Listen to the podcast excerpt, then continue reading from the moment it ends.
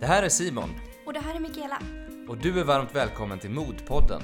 Podden som ur ett brett perspektiv ökar kunskap och engagemang om organdonation. Hej och välkomna ska ni vara till Modpodden och det här avsnittet som förstås programleds av mig, Simon, Tillsammans med mig, Mikaela. och vi är jätteglada över att ha er tillbaka, våra kära lyssnare. Det här avsnittet är särskilt starkt. Med oss har vi en ung tjej, 23-åring, som heter Beatrice Hallby. Precis, och Bea står nu på väntelistan sedan några veckor tillbaka på och väntar på nya lungor. Hon berättade för oss att hon har levt med cystisk fibros hela livet men att det är de senaste åren som hennes lungkapacitet drastiskt har förändrats till det sämre. Och Bea har bara en fjärdedels lungkapacitet, lungkapacitet kvar. Och hon berättade för oss väldigt öppet om hur det är att stå på väntelistan, hur hon känner inför det, hur hennes liv har varit fram till nu och hur hon ser på framtiden. Samt vad hon oroar sig för inför eh, den kommande tiden. Vi tyckte det var jättekul att få Beatrice hos oss och blev berörda av hennes berättelse. Och vår intervju med henne lät så här. Och vem är det vi har med oss här, tro? Vad heter du? Jag heter Beatrice Hallby, 23 år gammal ifrån Skåne. Ja, Lomma. Ja, det hörs. Det hörs! Ja men vad härligt. Vad härligt, jag känner mig som femte hjulet bland alla stockholmare. Varför är det i Stockholm? Ja men jag är här för att spela in lite radio och för den här podden. eh, Där vi pratar organdonation hela dagen. Eh, Jag står på väntelistan för ett par nya lungor sedan drygt tre veckor tillbaka. Ja, det, så det är min vardag nu att vänta. Vi börjar med berätta lite om dig själv och hur ditt liv har sett ut fram till, fram till nu idag. Jag ehm, eh, föddes 94 med mekonemilius och det är ett tidigt tecken på sjukdomen cystisk fibros. Och mekonemilius för de som inte vet är tarmvred. Där tarmarna vrider och mina hade sprängts. Eh, så första året spenderade jag på sjukhus eh, i mitt liv och eh, vi försökte reda upp själva magproblemen för det ingår i CF. CF är en lungsjukdom som eh, drabbar främst lungorna men andra organ också. Och jag var rätt så frisk i min sjukdom fram till 2014. 2014 eh, så eh, fick jag en kombination av bakterier som eh, satte sig rätt så illa på lungorna. Och de gjorde att lungvävnaden har förstörts och jag har inte återhämtat min lungfunktion överhuvudtaget. Så idag har jag ungefär 25 procent, vilket är en fjärdedel av vad en frisk människa har. När vi insåg, jag och läkarna insåg att det här kommer inte bli bättre så tog de upp frågan om en lungtransplantation. och sen eh, det är det, det senaste året har handlat om. Det är att komma upp på listan.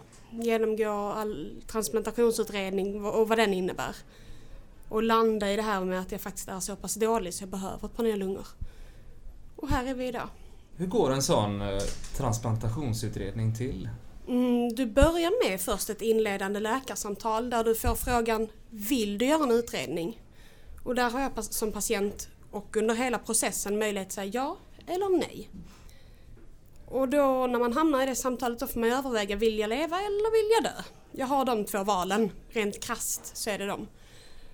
Och jag vill ju jättegärna fortsätta leva. Så då eh, började vi en utredning. Och då bokas det in en hel vecka. Du är på sjukhuset måndag till fredag 8 till 17 ungefär.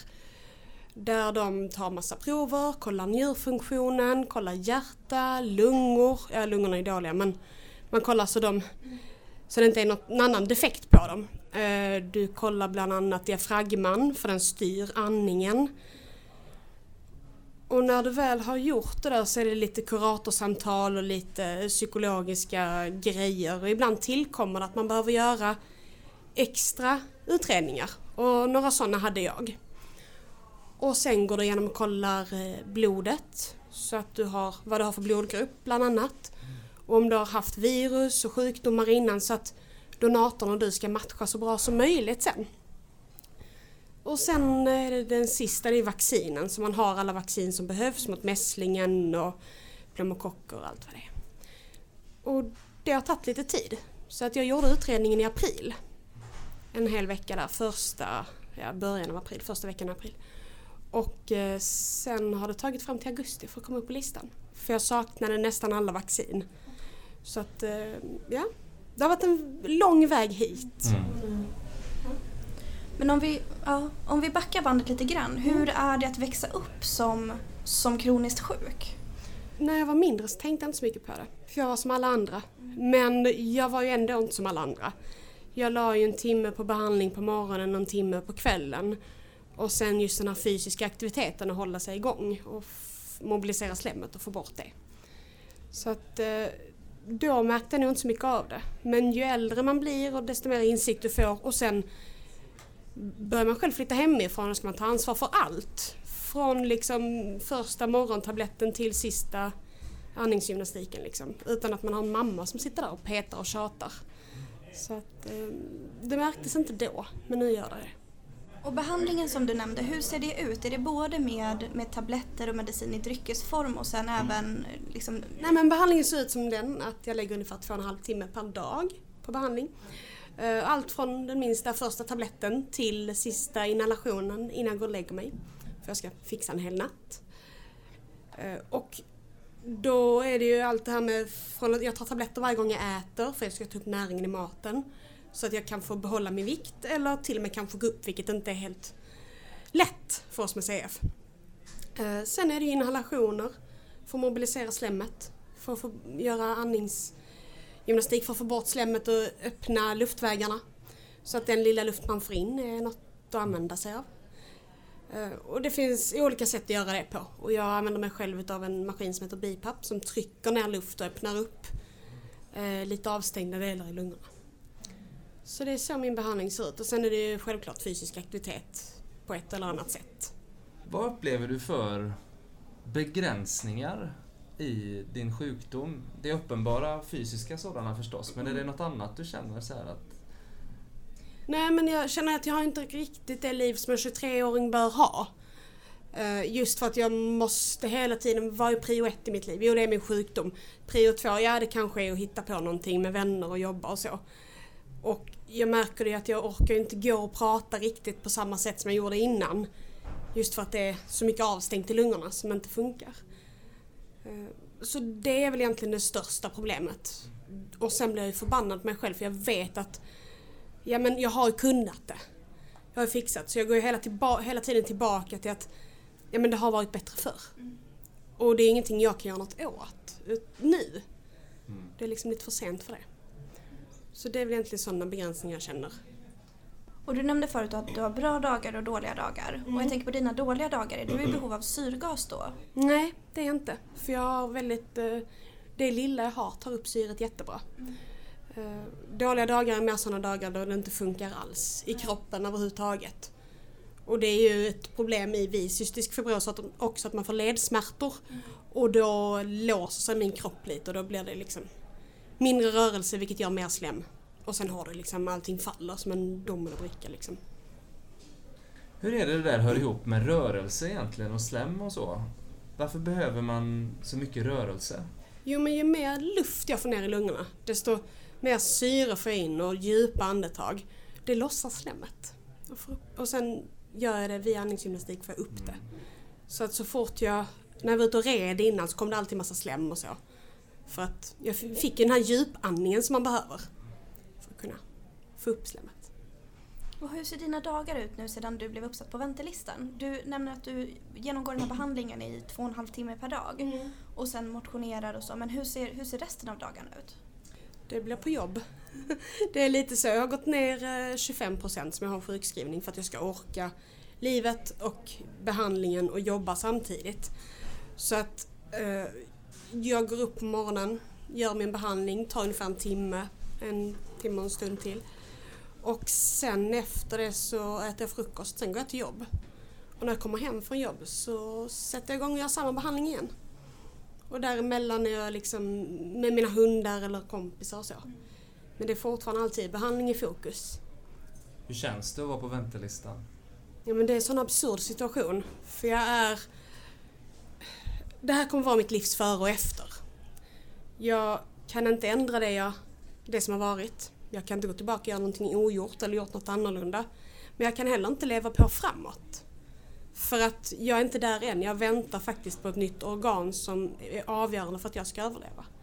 Så att jag står i något vakuum däremellan. Och det är så konstigt för vissa stunder så tänker man att ja, men livet är som vanligt. Och sen bara fast nej, det är det inte. Nu ska jag gå ner och byta tvättmaskinen, jag måste ha telefonen med mig. Om de ringer. Annars kan man lägga bort den och glömma och komma på just det, telefonen har jag, det har gått två dygn. Så att eh, det, är en, det är en annan situation att anpassa sig till. Vilket gör att det blir ett problem. Ibland. Och de kan ringa när som helst. Kan ringa när som helst. Så att, och de, de var ju så dumma för de sa att ofta ringer vi nattetid. Ja, det är ju jättelätt att sova med den vetskapen. Så att man sover ju liksom väldigt, väldigt lätt. Och så fort hundarna rör sig eller fågeln flaxar till så shit, då vaknar man ju. Och så inser man att nej, det är det inte. Jag hade ett sånt scenario häromdagen faktiskt. För jag, jag har bett dem se till att jag är vaken när de ringer. För att jag kan mycket väl vara sån som svarar i telefonen mitt i natten, lägger på och går och lägger mig igen. För att jag inte fattar vad som händer. Jag hade ett sånt scenario häromdagen där jag trodde att de hade ringt på natten. Jag vaknade upp på morgonen och så panik, bara slänger mig fram till telefonen. Kollar samtalslistan, nej det var ingen som hade ringt på natten. Bra, då har de inte ringt. Men de där minuten innan jag kom på det, den är jäkligt obehaglig. Jag förstår det. Har du märkt, jag tänker på bemötande från din omgivning, från vänner eller från kollegor. Eh, hur ser det ut? Känner du dig annorlunda mot, mot andra? Att de bemöter dig på ett annorlunda sätt? Nej, jag, det gör jag faktiskt inte. Eh, jag har väldigt, väldigt fina människor omkring mig som inte har tagit steget tillbaka. För det kan ju vara så att man backar ett litet steg från om man har någon kompis eller vän eller någon man känner. Utan alla har gått fram istället och nästan knuffat på mig och sagt Så, vi är här för dig. Vad ska vi göra? Och de flesta som har sagt det att jag vet inte vad jag ska säga men du vet att jag finns här. Då är det bara var som du är, för det är det enklaste. Så att det, ja absolut, det går lite långsammare ibland och jag orkar inte lika mycket. Men det har varit väldigt fina människor som alltid sagt att men vi finns här, vi tar det i ditt tempo. Så löser vi det. Och kollegor på jobb har varit fantastiska. Bytt pass för att jag ska kunna jobba morgon istället för kväll för det är ett lite bättre pass för mig att jobba. Uh, bytt skift överhuvudtaget liksom. Så att nej, de har varit, det har varit jättebra. Vad jobbar du med? Jag jobbar inom LSS. Så jag jobbar mot eh, autismspektrat på, ett, eh, på en gruppbostad. Okej. Ja. Häftigt. Mm, det är härligt. Hur länge har du gjort det? Nu är det ett och ett halvt år. Så att eh, ja, det, men det är jättekul. Kommer fortsätta också va? Det får vi se. Ja. Vi får se. Det är väl planen på att utbilda mig till någonting. Jag vet inte vad och så länge jag inte vet det så kan jag göra det jag är bra på i alla fall.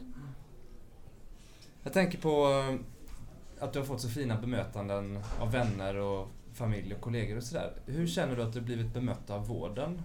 Det har också varit bra där. De har eh, varit väldigt så.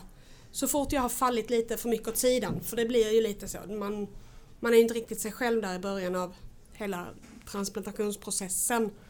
Eh, så de har varit där och liksom sett till att jag kom på rätt köl igen. Och har frågat om jag vill prata med någon som är transplanterad eller så. Och det, det har funnits möjligheter till det. Men eh, jag har ju tack och lov mod i ryggen känns det som. Så att eh, jag har rätt många vänner som är transplanterade sedan innan. Så att jag har inte haft det behovet att träffa någon specifik. Känner du mycket oro inför transplantationen? Eller oro inför den här tiden på väntelistan innan de ringer? Nej, alltså den, det enda jag kan känna det är väl lite det att jag vill inte att det sker någon drastisk försämring. För det är väl lite det man är rädd för att man får en jätteinfektion och sen kanske man inte ens kan bli transplanterad. Det är väl lite där min oro ligger. Men själva operation och så, det är lugnt. Och sen kommer ju det faktum att jag är rädd för en avstötning. Där har du mina rädslor. Det är liksom om jag blir för dålig innan och avstötning. Där har du mina största. Vad är det som är särskilt skrämmande med just avstötning? Jag tror det är ordet som är väldigt, väldigt laddat egentligen.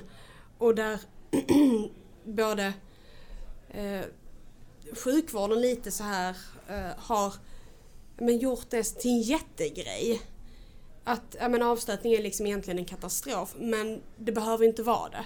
För det finns ju väldigt, väldigt små avstötningar, det finns ju kroniska och så däremellan hamnar ju faktiskt de flesta. Så att eh, det, det är jag lite rädd för. Det, ordet avstötning är ju... Det finns ju inget bra ord på svenska. Det engelska är rejection liksom och det, det låter inte så skrämmande. Nej, Nej. men avstötning, det låter verkligen som att det är... Så, nu är det Och det låter väldigt aggressivt, som om det är från en Mm. dag till en annan. Och det är det ju eh, väldigt, väldigt sällan. Mm. Mm. Eh. Upplev, var du med om en avstötning? Nej, nej. Mikaela? Just det, du är Ja, precis. Ja. Ja, sen sex år. Jag har inte... Alltså jag har ju haft vissa infektioner som har gjort att njurfunktionen har liksom gått ner lite grann. Men inte en avstötning så att jag har behövt behandling för det. Nej. Inget sånt. Nej, Eh. skönt. Ja, Mm. men det är jättebra. Så att, eh, än så länge går det bra. Ja.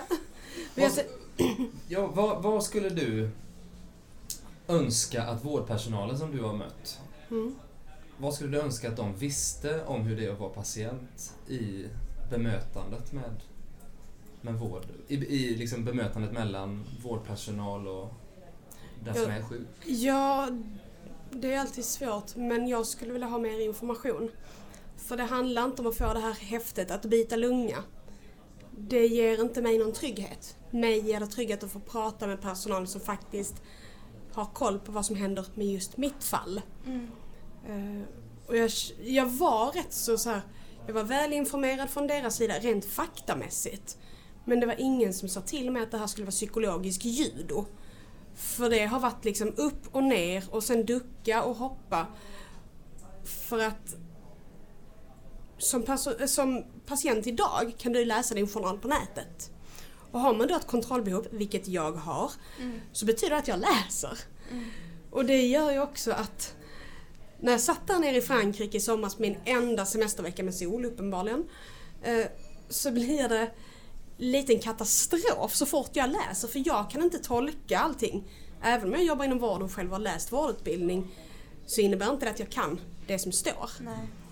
Så att när jag läste att ja, men försättsblad är skrivet kommer tas upp på transplantationskonferens den 24 augusti, eller 24 juli. Då hoppade jag ju till och fick nippertipper där nere och fick panik för då insåg jag att det är dagen efter jag kommer hem. Och sen läser jag, sen får jag inget svar. Och sen går det ett par dagar. Och på onsdagen sen så står det eh, att de hittade någon avvikelse, att de vill kolla det närmare och några blodprov till som ska tas. Så sätts upp på nästa konferens veckan efter. Och då hoppar jag till ytterligare en gång. Mm. Så att jag hade velat ha lite mer det här. Okej, vi ringer upp henne, berättar vad som har hänt. Vad är det som vi behöver kolla extra på? För det var inget farligt i mitt fall. Men det gör inte mig lugnare att inte förstå det. Varpå jag då kontaktar folk som jag vet kan någonting om detta. Och de säger nej, jag vet inte vad detta betyder. Så att eh, jag hade velat ha mer liksom, Lättillgänglig, ja, hands-on info. hands-on info liksom. Ja. Mm. Men kanske en journal skriven till patienten som man också kan läsa på Vårdguiden. Mm, ja men faktiskt. Eh, Ja.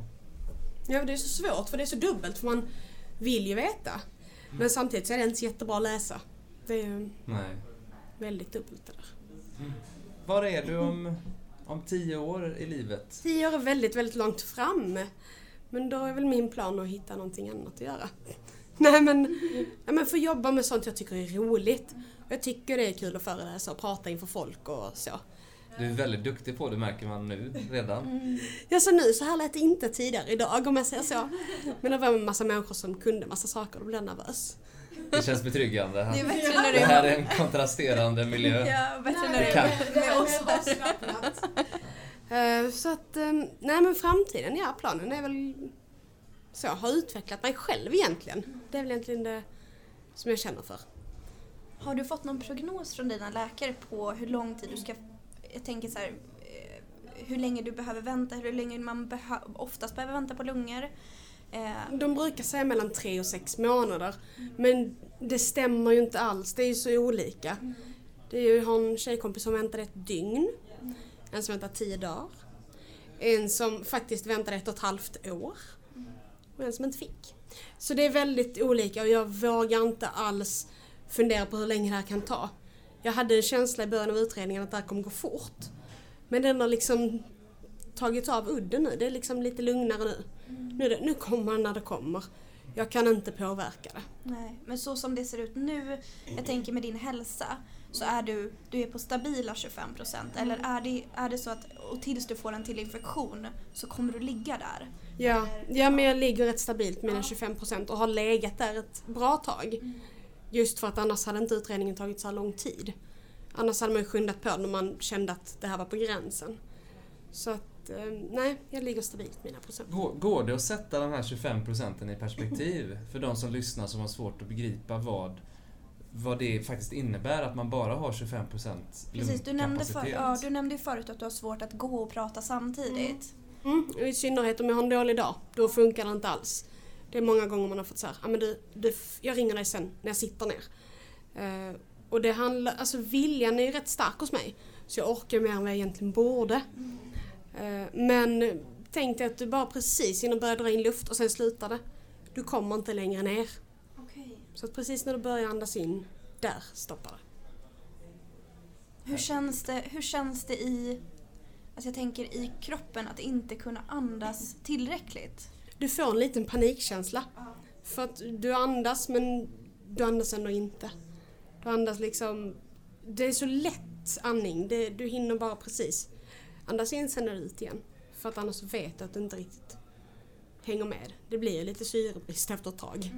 Om man inte...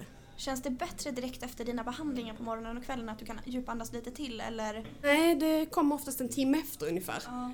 För i början, då är luftvägarna så pass retade. Så det blir nästan lite jobbigare precis efter. Och sen går det en timme och sen okej, nu slappnar de av igen. Och då har man lite mer plats. Alltså så. Jag har ju mina 25 procent men det blir inte mer. Precis, men den här behandlingen, det har, behandlingarna eh, två gånger per dag, det är någonting som du har gjort under hela livet egentligen, från att du var Ja. liten till... Hur har det funkat när du var liten och ville sova hos kompisar eller hos mormor och morfar eller sådana saker? Det har alltid funkat jättebra. När jag växte upp, nu är jag ju så gammal känns det som nu men det är jag inte. Eh, Då hade man ju syrgastuber. Vi pratar 20 kilos tuber liksom på en liten vagn man körde in. Eh, idag har du en som är stor som en CD-skiva och väger kanske 150 gram och har samma effekt som en gastub hade då. Så att ja, det var jobbigare när jag var mindre. För då var det först gastuber och sen fick man en sån här kompressor liksom. Det ser ut som en brödrost ungefär.